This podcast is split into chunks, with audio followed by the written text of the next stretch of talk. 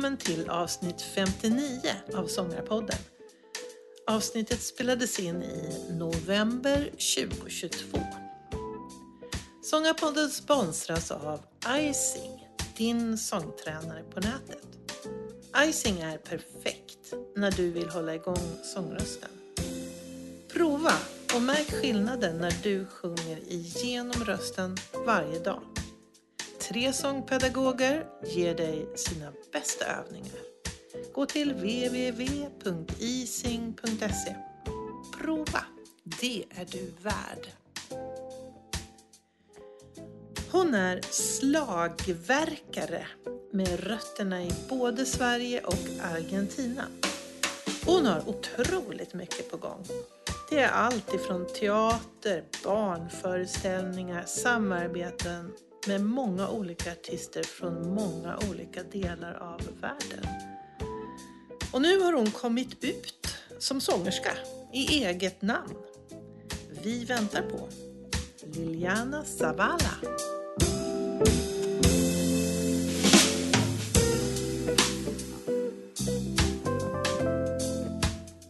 Välkommen till Sångarpodden Liliana Zavala. Tack så jättemycket. Vad kul att kunna träffa dig. Ja, och just nu så är det snö.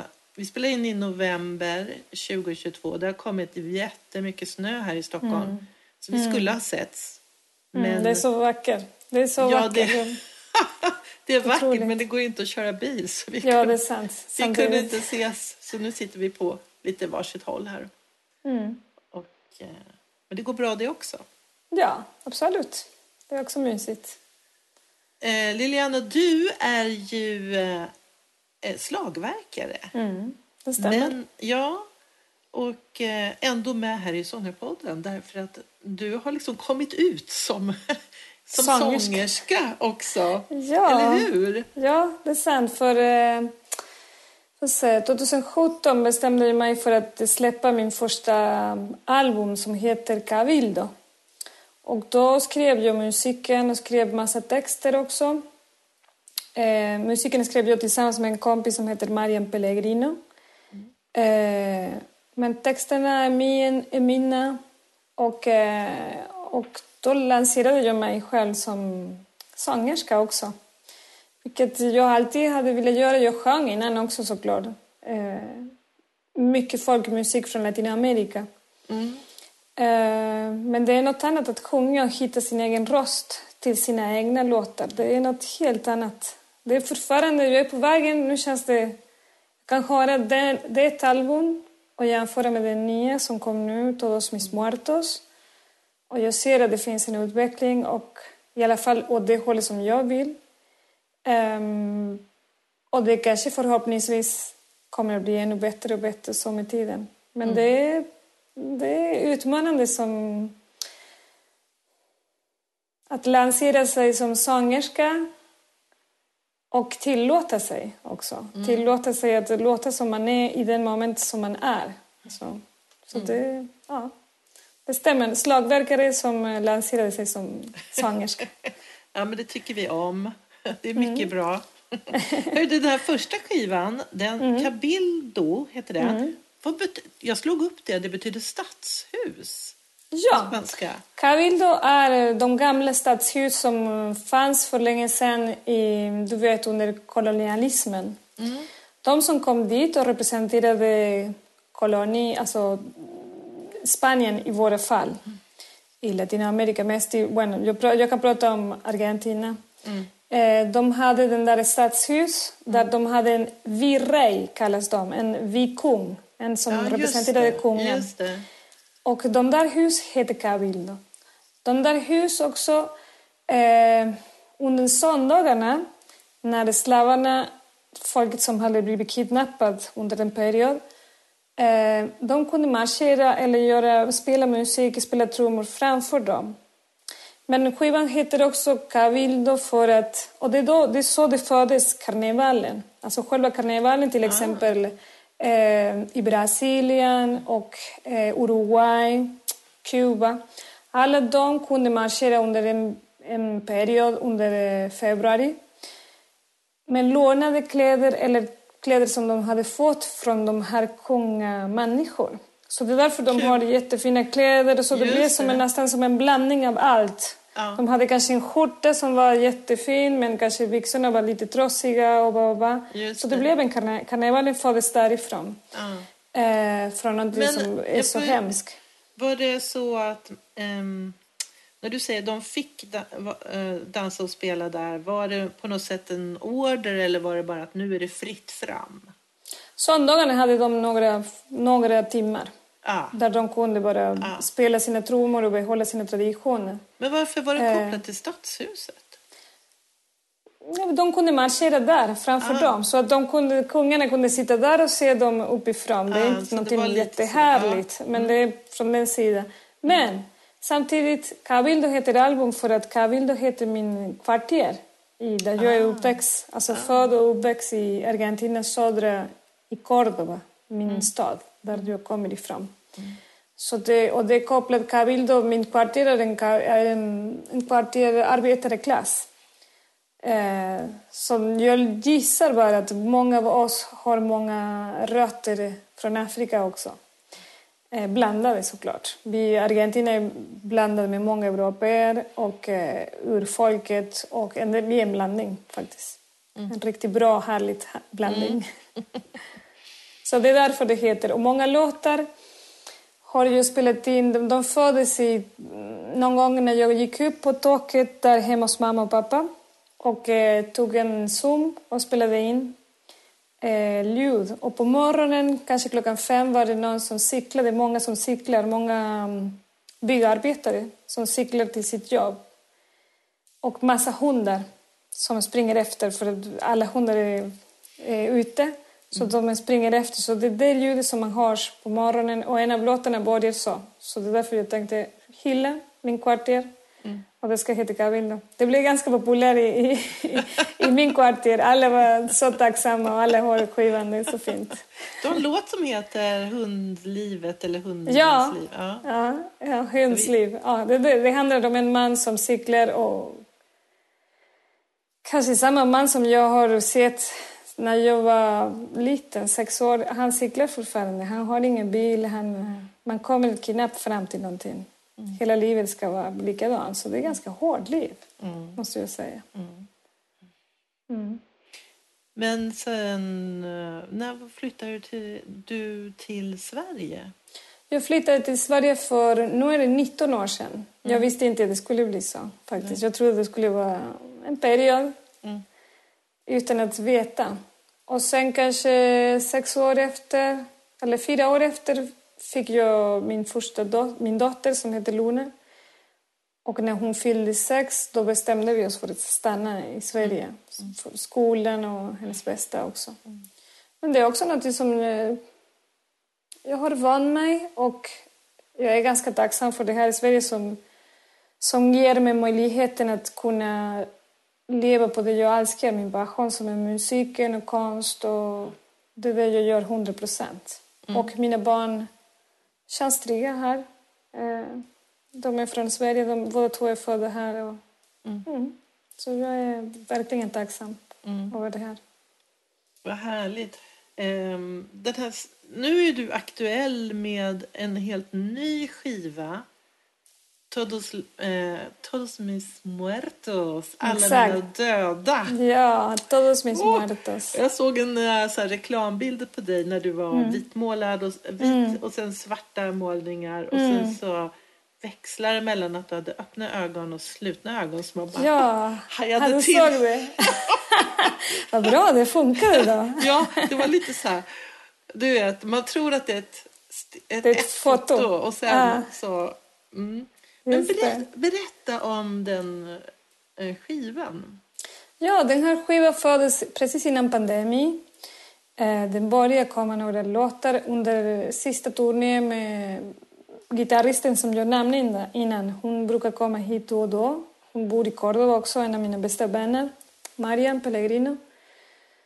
Och då alltid när hon kommer hit, det brukar, vi brukar jamma och så kanske föds nya låtar. Så den första låt som föds var Iku. Och Iku är namnet till eh, en gudinna från Kuba som representerar döden.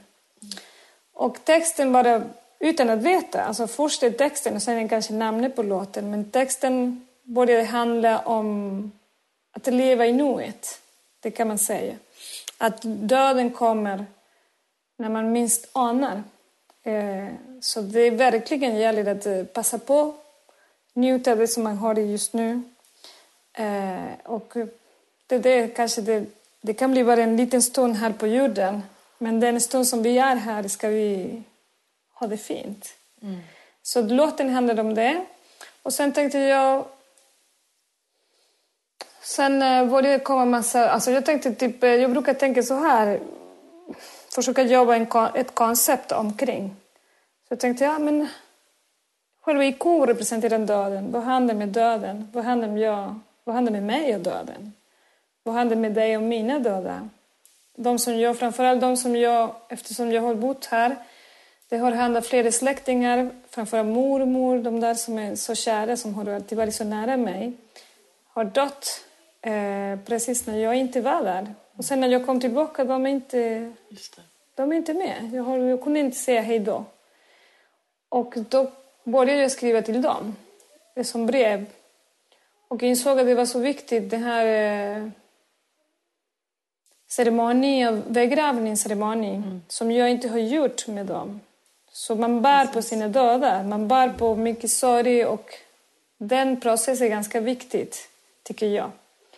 Eh, och, och då tyckte jag att jag måste göra det här som en, nästan som en terapi. För att komma över. För att annars så, man gick runt, min mormor hade dött för många år sedan men ändå så fort jag pratade med henne var det en gång till massa tårar. Och istället för att tänka så tänkte jag att jag kan hylla dem på ett sätt att göra en ceremoni, vilket vi gjorde nu den 5 november när det var alla helgons dag, var det mm. release på Alice Teater och det var en fin, jättefin konsertceremoni. Mm. Så nu känns det, mm, nu känns det bra i själen, i mitt själ och jag hoppas att deras själ också, mm. de känner sig hyllade. Det var jättefint. Mm. Så alla, alla låtar är skrivna till dem. Eh, massa minne och framförallt det som de har lämnat kvar hos mig. Det som de eh, har lärt mig när de levde och när vi samtalade och umgick. Så. så varje en låt är ett brev till en person? Exakt. Mm. Utom Iku som är ett brev som Just handlar det. om döden, själva döden. Just det. Och det är därför jag tänkte använda den klassiska målningen för Dia de los Muertos från Mexiko, även fast vi målar oss inte så i, i Argentina, där jag kommer ifrån, under den dagen. Men vi hyllar våra döda ändå. Det är en viktig dag där vi ska vara på kyrkogården och tända på våra ljus, precis som ni gör här. Exakt. Kanske träffa familjen och äta tillsammans och komma ihåg dem. Kanske mm. till och med det finns en plats på bordet där ingen sitter, där de ska komma. Och så. Det är viktigt. Mm. Nej, men eh, det är alla som har en nära anhörig som har gått bort vet ju hur viktig ritualerna är, ceremonierna, mm. för mm. att man ska acceptera att... Mm. Och också det här när man ska få gråta och vara mm. riktigt ledsen. Att, och sen kan man ta, gå ut ur kyrkan eller den lokal man är och vara lite grann mm. gå vidare. Exakt, det är lika viktigt. Ja. Och alla de här också under den här processen blev jag jätteintresserad i också såna här olika ceremonier. Mm. Så jag kunde se till och med olika ceremonier, begravningsceremonier i Argentina, hur de skiljs från norr till central där jag bor i Córdoba, där jag är uppväxt. Eh, och till exempel Mexiko, man jämför med Argentina och allt. Alla är olika men det är viktigt det här med att kunna gråta, mm. att kunna uttrycka. Till och med när farmor dog, eh, då kom det nio kvinnor som var utklädda i svarta kläder. Som vi på något sätt, jag tror att pappa anlitade dem. Det är vanligt att man gör det. Så de kom. Man kunde inte se deras ansikte för att de hade någon tyg på också. Eh, och de ber. De har en eh, katolsk halsband som heter Rosario. Och så ska de, som man har under, det var natten, under hela natten vi gjorde den ceremoni. Och så sjöng de, så det låter nästan som en mantra. Padre nuestro que estás en los cielos, santificado sea tu nombre. Hela, alltså, hela den där, många, många gånger. Och plötsligt, en av dem började skrika och gråta. De heter gråterskorna. Skrika. Och, när, och vi, så fort de började gråta, då började vi alla gråta. Alla på riktigt, alla som, som var släktingar till henne. Och, eh, och så var det under många timmar. Eh, och det är deras arbete. Att göra så att kalla till, till det här momentet att man ska kunna uttrycka sig och gråta.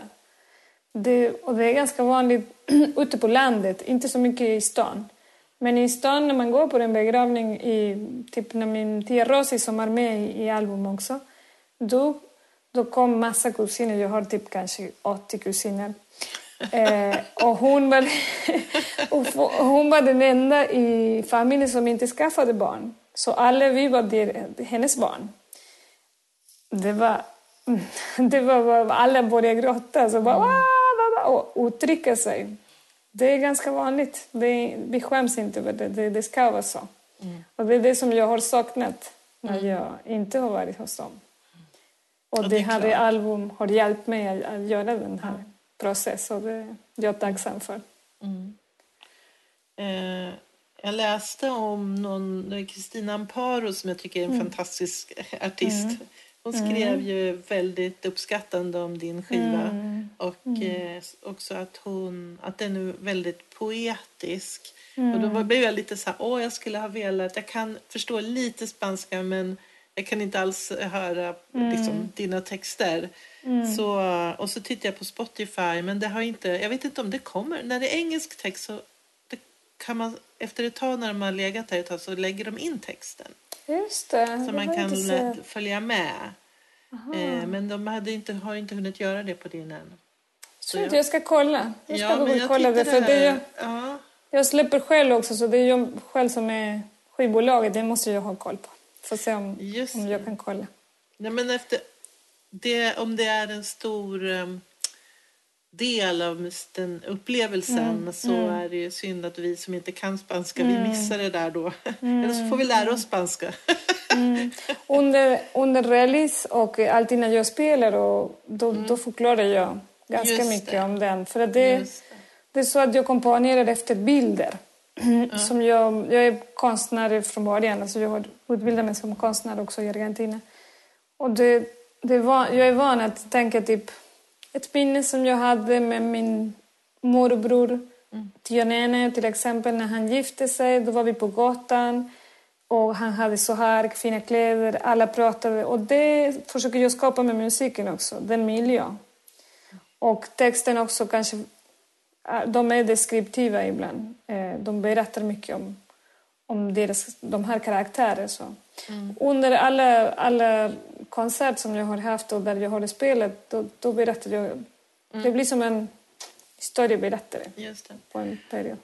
Eh, om man är... Det, skivan finns ju nu ute på Spotify. Mm, exakt. Eh, och, eh, men kommer du att eh, du, turnera lite grann och ge lite konserter med den här? Det, det har börjat öppna sig nu, för nu, releasen var nu. Mm. Så jag vet att i oktober, redan i oktober kommer vi vara i Malmö, fast inte spikat exakt var, mm. men vi ska vara hos Mix Musik mm. som hör av sig och vill ha där. Och nu sitter jag med några förfrågningar och ska skapa en turné under vårtermin och en turné under hösttermin. Mm. Men det, eh, det är ganska nytt. Så, och nu ska jag presentera också min nya trio som, där en basist är från Brasilien som heter Ruben Farias och Homero Alvarez, en gitarrist från Argentina också. Mm. Så de har jag ära att ha i min trio. Med dem ska ja, vad roligt, grattis! De är väldigt, ja.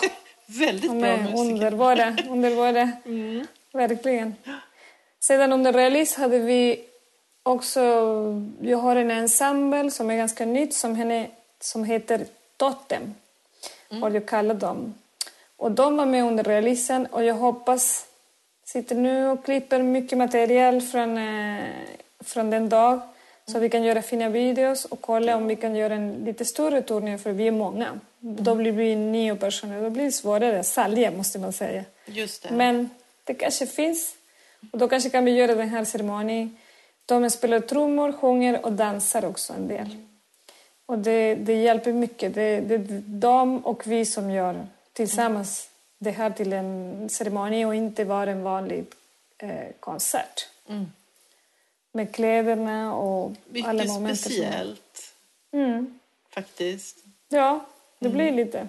Det blir lite mm. speciellt tillfälligt. Och det hjälper. Det hjälper mycket. Mm. Jag fick, eh, precis som Kristina Kristina Amparo skrev, det var många som alltså man skiftar mellan att gråta och skratta och mm. gråta och skratta och så avslutade vi med att alla publik kom till scenen och vi dansade tillsammans med dem med massa trummor och jag kunde se massa som hade, du vet, sminken hade runnit.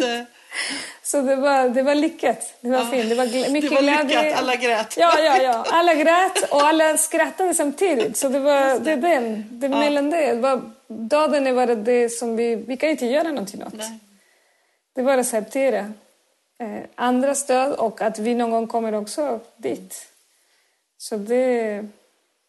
Ja, det är bara som det är. Mm. Mm det här att du eh, jobbar med olika konstellationer. När man mm. läser om dig så, så är det ju, man slås av att du gör väldigt mycket olika mm. saker. Mm. Med väldigt, en massa, blandning av en massa människor. Ja. så här, ja. eh, jag hade en lång lista här. Det är barnföreställningar och det är mm. olika grupperingar. Mm. Eh, bland annat eh, så har du spelat med Ale Möller. Mm, det gör jag fortfarande. Mm. Ja, det, mm. den föreställningen såg jag. Eh, Aha, ja, vad kul! På, när ni var på Musikens hus i, i Stockholm, när vi Nybro... Ja, där vid Nybrokajen. Mm. Okej. Okay. Vad fint. Men eh, berätta lite om det här. Alltså barnföreställningar, det var, verkar mm. jätteroligt. Det här mm. skräp Eh, vad hette den här? Skräpitas. Skräpitas. mm. Skräpitas är en föreställning som föddes av det behov som, som jag och min kollega har att rädda världen. Blev inspirerade av eh, en hjälte för oss från Mexiko som heter El Chapulín Colorado. En, eh, en, en liten insekt, en människa som gör en karaktär som alla som är i min ålder, jag är 46 år, har sett. Har, mm. vi, vi, de flesta latinamerikaner har sett El Chavo del Ocho eller El Chapulín Colorado på tv. Mm. Det är som en, eh, en hjälte som försöker, vill väl men alltid, det, det är kämpigt för honom. Han är Jaha, från Latinamerika. det går fel eller? Ja, det går, det går lite fel ja, men det går fint ändå. Han ja. hade ett stort hjärta och, och, och så tänkte vi, vi måste rädda världen från soporna, från det här, från vi som var, håller på att förstöra. Och börja med barnen, att uh, visa för dem. Så det, och det har varit succé med mm. den skräpitas. Sen har jag andra barnföreställning. Jag gillar att jobba för barn. Faktiskt. Mm. Det är något som jag tycker är viktigt. Det ger mycket. Mm. Eh, och att barnen kan också se en annan sorts musiker på scenen. En kvinna som ser ut som jag ser ut och som spelar trummor. Jag ja. är ganska medveten att det, det, finns inte så många. Det finns som tur är flera, mm. men inte så många. Så det ger möjligheter till andra tjejer små flickor också. Kanske tänka sig att vara på scenen också och spela trummor. Mm. Eh, sen har jag nu en ny föreställning som heter Unicornix mm med Kristina Amparo mm och eh, eh, Nathalie Knudsen också. Mm. Och den föreställningen handlar om inkludering. Mm. Och eh, att, att kunna vara sig själv, 100 procent. Eh, och det är också för barn eller familjeföreställning. Jag jobbar också med en annan barnföreställning och familjeföreställning som heter Shohas. Och Shohas betyder på farsi eh, sökande. Okay. Och det, är, det kommer från sångaren och min vän Rostam Mirlashari. Han är eh, baluchi från eh, Iran. Mm. Och han berättar lite om sin resa och det, här, det är en jättefin föreställning. Vi har också till och med en dansare som dansar sofidans. Mm. Så barnen kan få också den. Det är något helt annat också. Det är musiken som kommer från Orienten, inte, inte alls från mitt håll. Men den sexokta som de har liknar jättemycket den som vi har i, i Argentina. Så det är därför jag Fast, passar Nu perfekt. hörde inte jag riktigt. Vad sa du? Den... Att den rytmen, 6-8, som just det. spelas mycket Ja. i Iran är, liknar ganska mycket den sväng som vi har i Argentina. Ja. Så det är därför passar perfekt den slagverk som jag gör Mm. i den. Så med dem också jobbar vi nu. Eh, kommer vi ha en turné under februari och en till under maj, tror jag. Maj nästa år. Eh, Cenomania är det också kvar. Fast Cenomania har ingen barnföreställning än. Eh, men jo, men de tycker att det är givande, mycket givande att göra det. det. Jag har märkt också att jag har märkt att det väcker uppmärksamhet ibland. Att professionella musiker... Man är inte så van vid att se professionella musiker som kan göra bort sig och eh, leka med barn. Det är något som jag älskar och har alltid gillat. Eh, och jag ser inte ner på det här jobbet. Jag tycker att det, det, uff, det är tvärtom. Det är en av de bästa som man kan göra. Att spela på för barn. Plus att det är den bästa publiken. På det mesta är de alltid glada. Så fort du säger ska vi dansa? Ja! Ska vi sjunga? Ja! De vill göra allt. alltså, man får så mycket energi tillbaka också. Så det är fint, det är givande. Inte precis som den vuxna publiken. Nej, Ska vi dansa? Kanske. det är svårt. Man måste veta när, man måste vara... Ah, det är väldigt svårare. Just det. Sen eh, Gulbang är också en grupp som du... Mm. Golbang är ett band som tillhör eh, Rostam Mirlashari, samma person som jag nämnde innan. Ja. Shohaz är en del av Rostam, av, av Golbang. Man kan säga Golbangs projekt. En barn eller familjeföreställning som kommer från Golbang. Och Golbang är... Eh, mm, mycket, det här bandet, vi är... Hur många är vi? Nio, tror jag. Är vi. Det är stor band. Eh, där det blandas mycket med iransk folkmusik, svensk folkmusik och jag kommer med mina rytmer från Latinamerika. Ehm, och det, ja, det är jättefint. Och så har vi som sagt en av de bästa sångare från Iran som är Rostam Milashari som sjunger som en gud. Plus, eh, jag vet inte, musiker som Daniel Reed som är eh, saxofonist, svensk. och har, kan man säga, han har spelat mycket folkmusik, svensk folkmusik. Så han har sin speciell sound också och sin mark i det här bandet, tycker jag. Jag läste att du hade fått pris alldeles nyligen. Ja, ja, oväntat. Oväntat. Jag trodde, jag trodde det var ett skämt från början faktiskt. Jaså?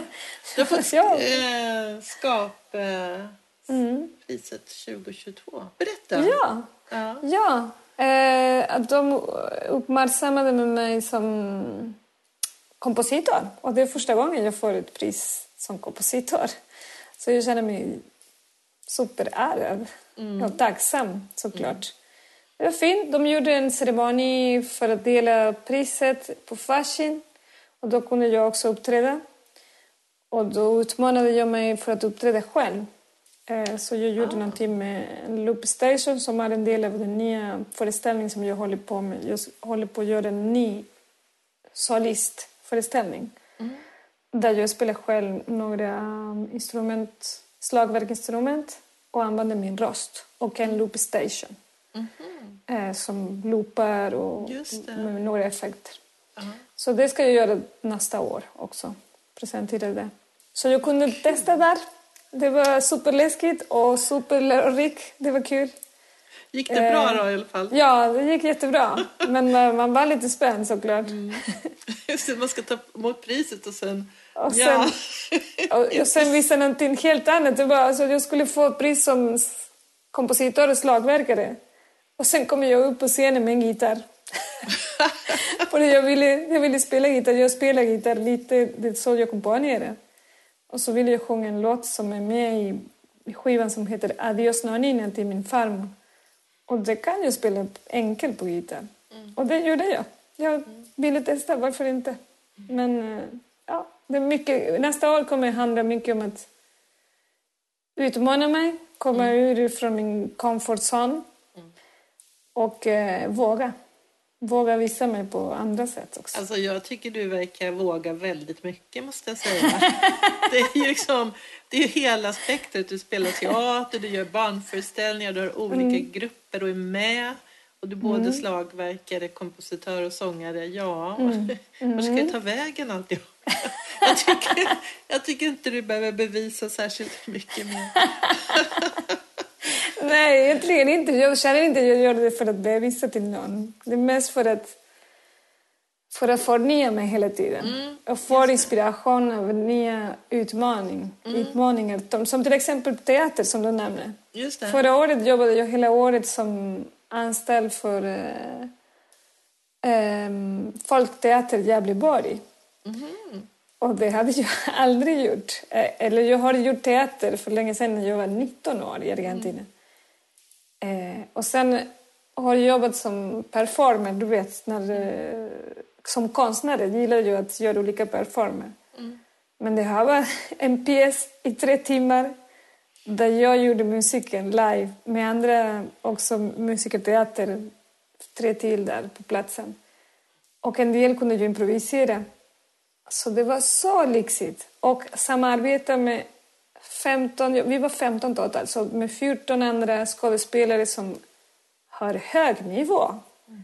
Så det var superlärorikt. Och sådana här saker gillar jag att göra, att uh, utmana mig. Det var superläskigt i början och sen, ja men det här, varför inte? Jag kommer att lära mig mycket av det. Och jag fick lära mig mycket som jag bär nu och kan ta fram på scenen också. Just det.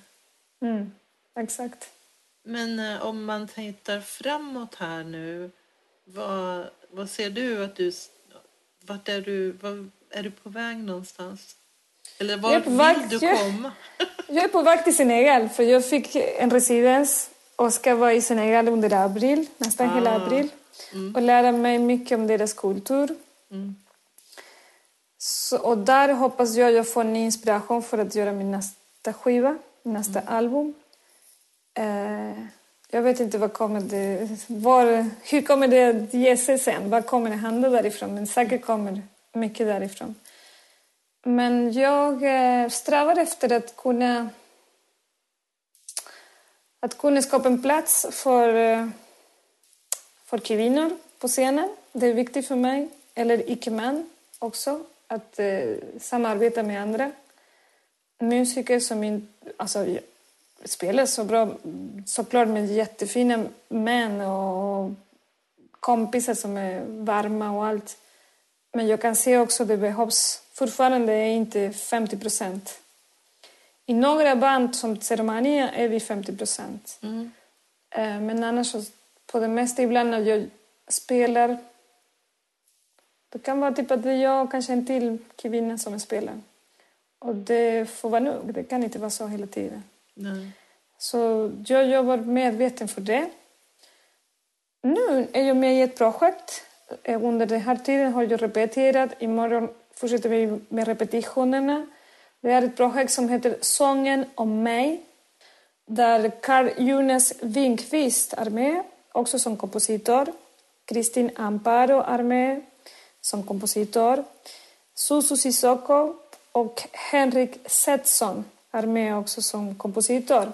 Det, fem, det handlar om fem kompositörer. Um, ehm, själva, själva idén handlar om de fem min, nationella minoriteterna här i, i Sverige. Så de kallade till fem kompositörer som aldrig har jobbat med dem, med scenkonst Sörmland. Eh, och vi komponerar efter att vi har träffat fem, eller Kristin har träffat till och med två personer eh, från de här fem minoriteter. Och efter att vi har träffat den personen, till exempel i mitt fall har jag jobbat med, med en konstnär som eh, är samer Eh, han heter Pierre Ore.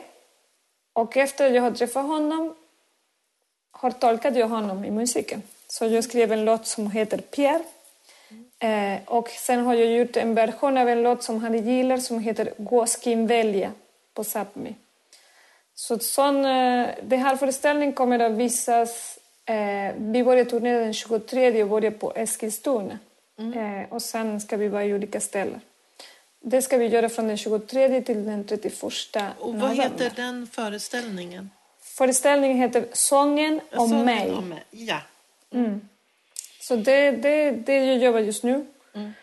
Uh, och det ska visas under turné.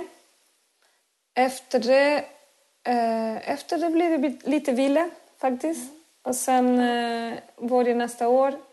Då ska jag jobba med en föreställning som heter uh, Chamana i Totem där jag jobbar med det här ensemble, slagverk ensemble. Mm. Um, och det handlar... Jag läste nyss, håller på att läsa en bok om en eh, författare som heter Clarissa Pinkola Estes. Och den boken heter, jag rekommenderar alla kvinnor att läsa. Boken heter Kvinnorna som springer med vargar. Mm. Eh, och det handlar om att hitta sin vilda kvinna. Och eh, mycket om tillåtelse, om att kunna vara sig själv och att kontakta, få konnexion eller kontakta sig, alltså koppla sig till uh, intuitionen. Lita på sin intuition. Mm. Jag jobbar lite efter det. De flesta uh, föreställningar som jag skapar uh, handlar mycket om intuition. Mm. De kommer, det här kommer, den här föreställningen handlar om, den kommer från olika drömmar. Där jag har drömt med olika karaktärer, olika djur. Och det är därför alla de här slagverken representerar olika djur som är en del av min totem. Ah. Det är därför de heter totem. Ah. Och hela föreställningen heter Chamana i totem. Chamana är en karaktär som berättar olika historier om sju kvinnor från Latinamerika. Mm. Och vi ska musicera de här berättelserna med slagverk och sånger. Mm. Så det ska jag göra nästa år. Mm. Eh, och arbetar med barnföre en ny barnföreställning som heter eh, den som jag nämnde, Unicornix, Unicornix med Kristina Amparo och Nathalie Knudsen. Sen har vi Kivar Senomania som säkert kommer att turnera igen. Eh, och min nya trio. Och den här föreställningen som jag har presenterat nu, Todos mis muertos, kommer förhoppningsvis att spelas med mer också har en ny trio med Ruben Farias och Jonas Knutsson. Mm -hmm. Som är superhärligt mm. faktiskt. Och jag hoppas också att det blir någonting mer med det. Mm. Som är, äh, ja, det är mycket improvisation. Jag spelar där mina låtar, Ruben spelar sina låtar och Jonas också. Sjunger du då? Jag sjunger då och ja. spelar. Eh, funktion som en slagverkare också. Men Ruben och jag har börjat komponera tillsammans så det mm. kanske kommer att bli någonting av det också. Han och jag har en duo parallell. Mm. Så det ska bli en bra... Det är Brasilien Argentina tillsammans. Brasilien Argentina. Ja. Och hoppas att Jonas hänger med för han är underbart. Mm. Mm. Det blir spännande att höra. Mm. Um, Verkligen. Du, känner, du nämnde lite grann på det här i början när, när du har börjat sjunga nu att det var mm. speciellt för dig. Eh, hur, eh, jag tänkte lite grann på Eh, du, kommer, du växte upp delvis i Argentina, du har mm. präglats av den musiken, nu bor du mm. här. Mm. Hur, och sen det här med slagverket i botten. Mm. Men hur, ja. tänkt, hur har du någon sån här... Um, ide, alltså ett ideal som du vill uppnå? Du vill låta på ett särskilt sätt eller? Mm. Nej, jag får mycket inspiration från olika sångerskor från Latinamerika. Så, såna här som man kallar för cantoras. Mm. Eh, inte riktigt typ cantantes. En cantora är mest en som kommer från en liten by och som mm. har sjungit hela livet folkmusik. Mm. Så jag, därifrån hämtar jag mycket inspiration. Så det kan vara att jag lyssnar på till exempel Vi har en stor sångerska som nu är död som heter Mercedes Sosa i Argentina som gav ut den här sången som ni känner ganska mycket här. Gracias a la vida ja. que me ha dado tanto. Just det. Jag vill tacka livet den.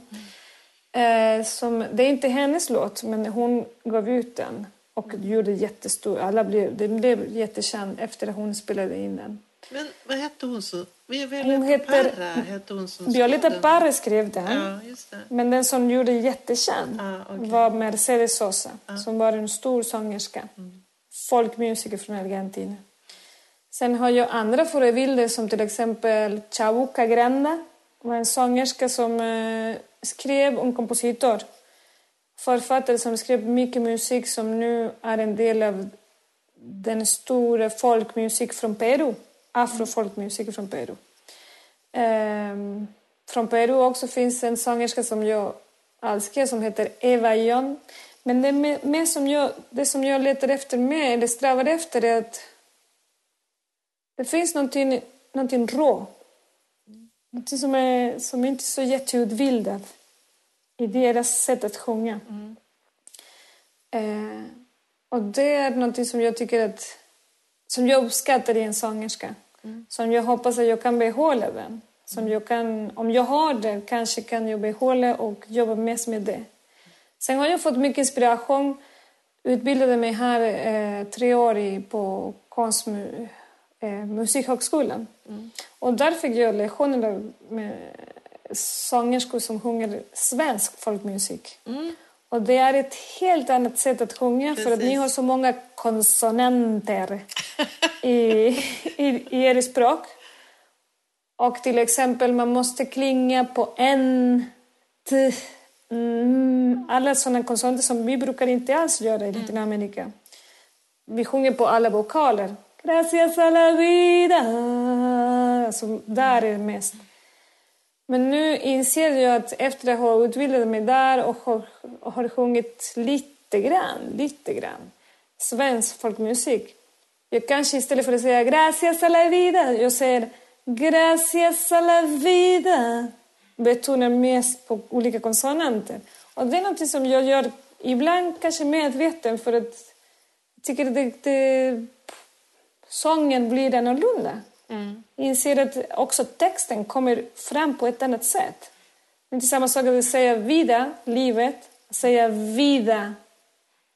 Det här är livet. Det är som att säga du måste höra det här. Mm. Så det, det, har jag, det, det är jag tacksam att kunna ha lärt mig från mm. de här sångerskor som har förklarat. Nej, men här betonar du mer på konsonanten, här ska du... Mm. Och det har jag tagit till spanska. Mm. Vad spännande. Mm. Mm. Det, det, det är lärorikt, verkligen ja. inspirerande. Ja. Från olika kulturer. Det är det ja. som jag har jobbat mest som slagverkare. Uh, vi har slagverk, egen slagverk som jag spelar från Argentina. I den sista skivan, Todos mis muertos, finns mycket folkmusik från Argentina. Mm. Uh, men sen har jag studerat mycket folkmusik från Kuba också. Mm. Colombia, Uruguay, Peru och allt det där och allt som finns omkring det. För jag tycker också, eftersom jag är konstnär, konstnär jag tycker att jag måste veta varför det spelas på det här sättet. Mm. Vad är det som har hänt under den där perioden när den trumman har fötts? Mm. Eh, hur lät det då? Mm. Eh, hur låter det nu?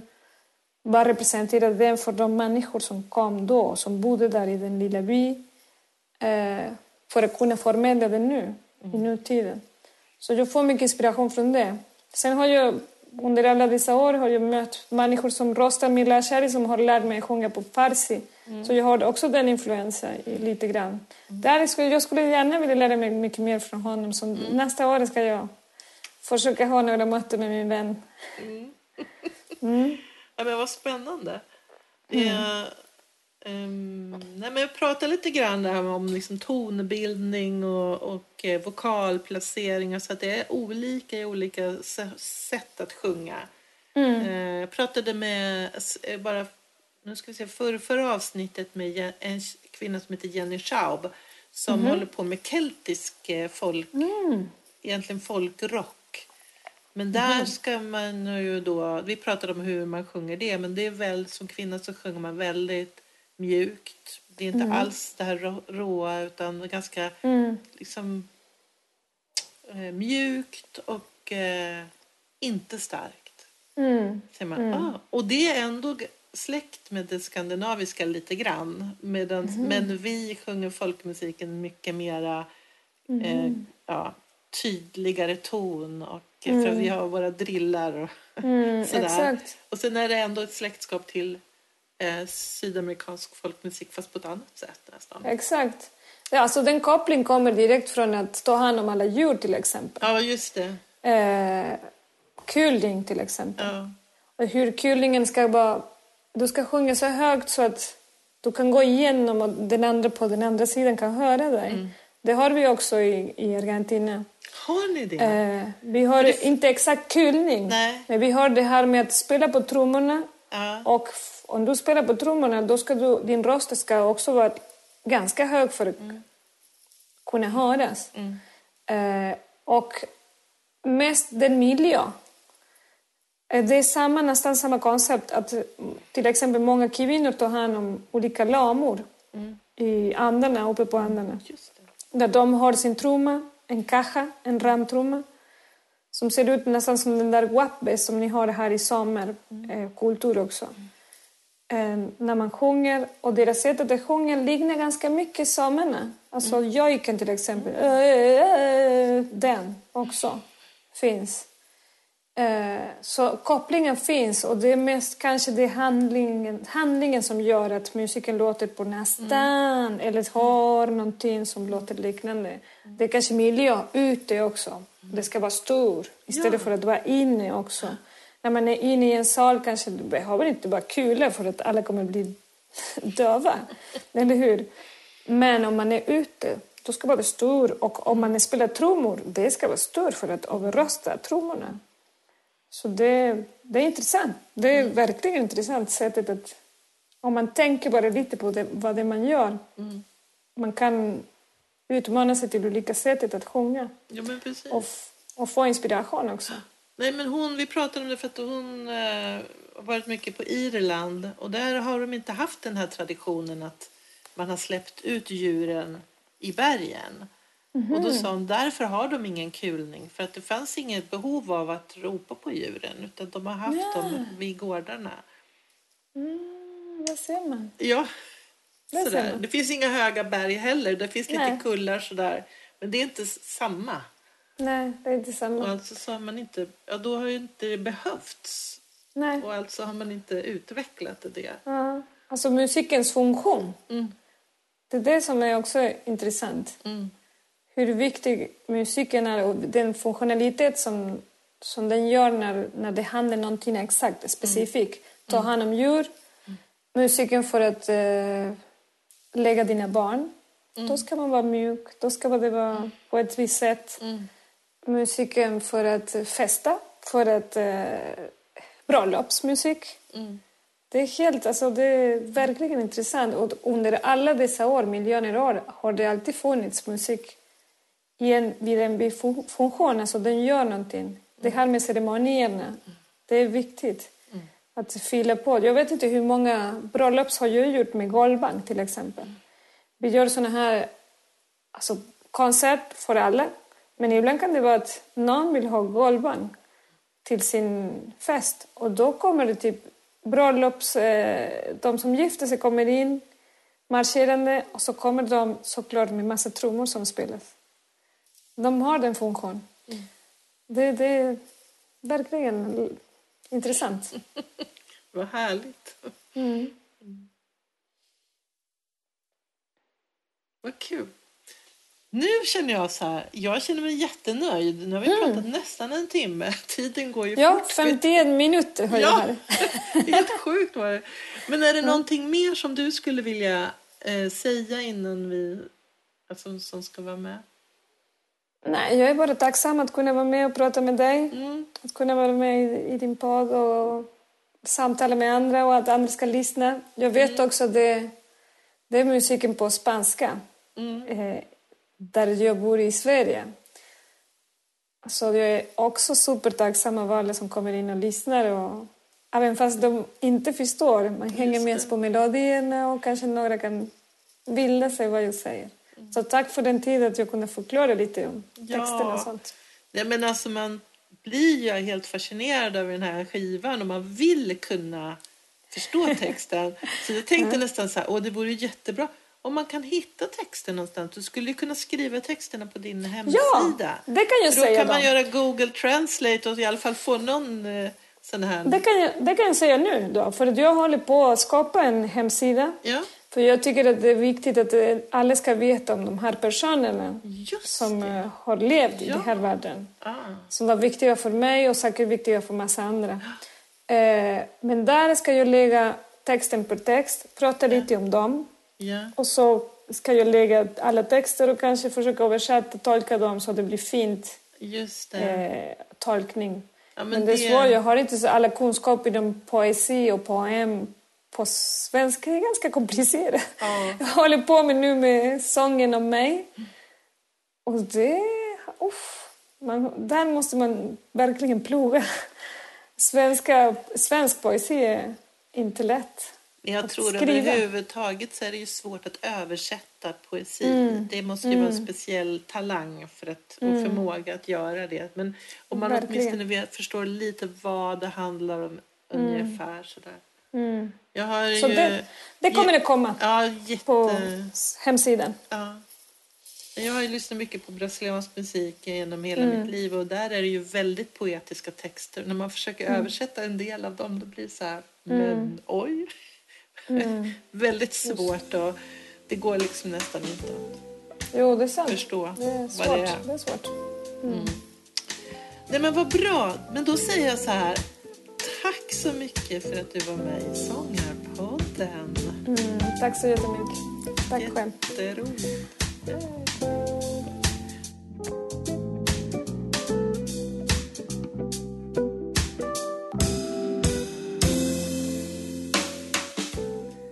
Du har lyssnat på Sångarpodden. Vill du ha mer information eller få länkar till artister med mera så gå då till vår egen webbplats www.sangarpodden.se. Vi hörs!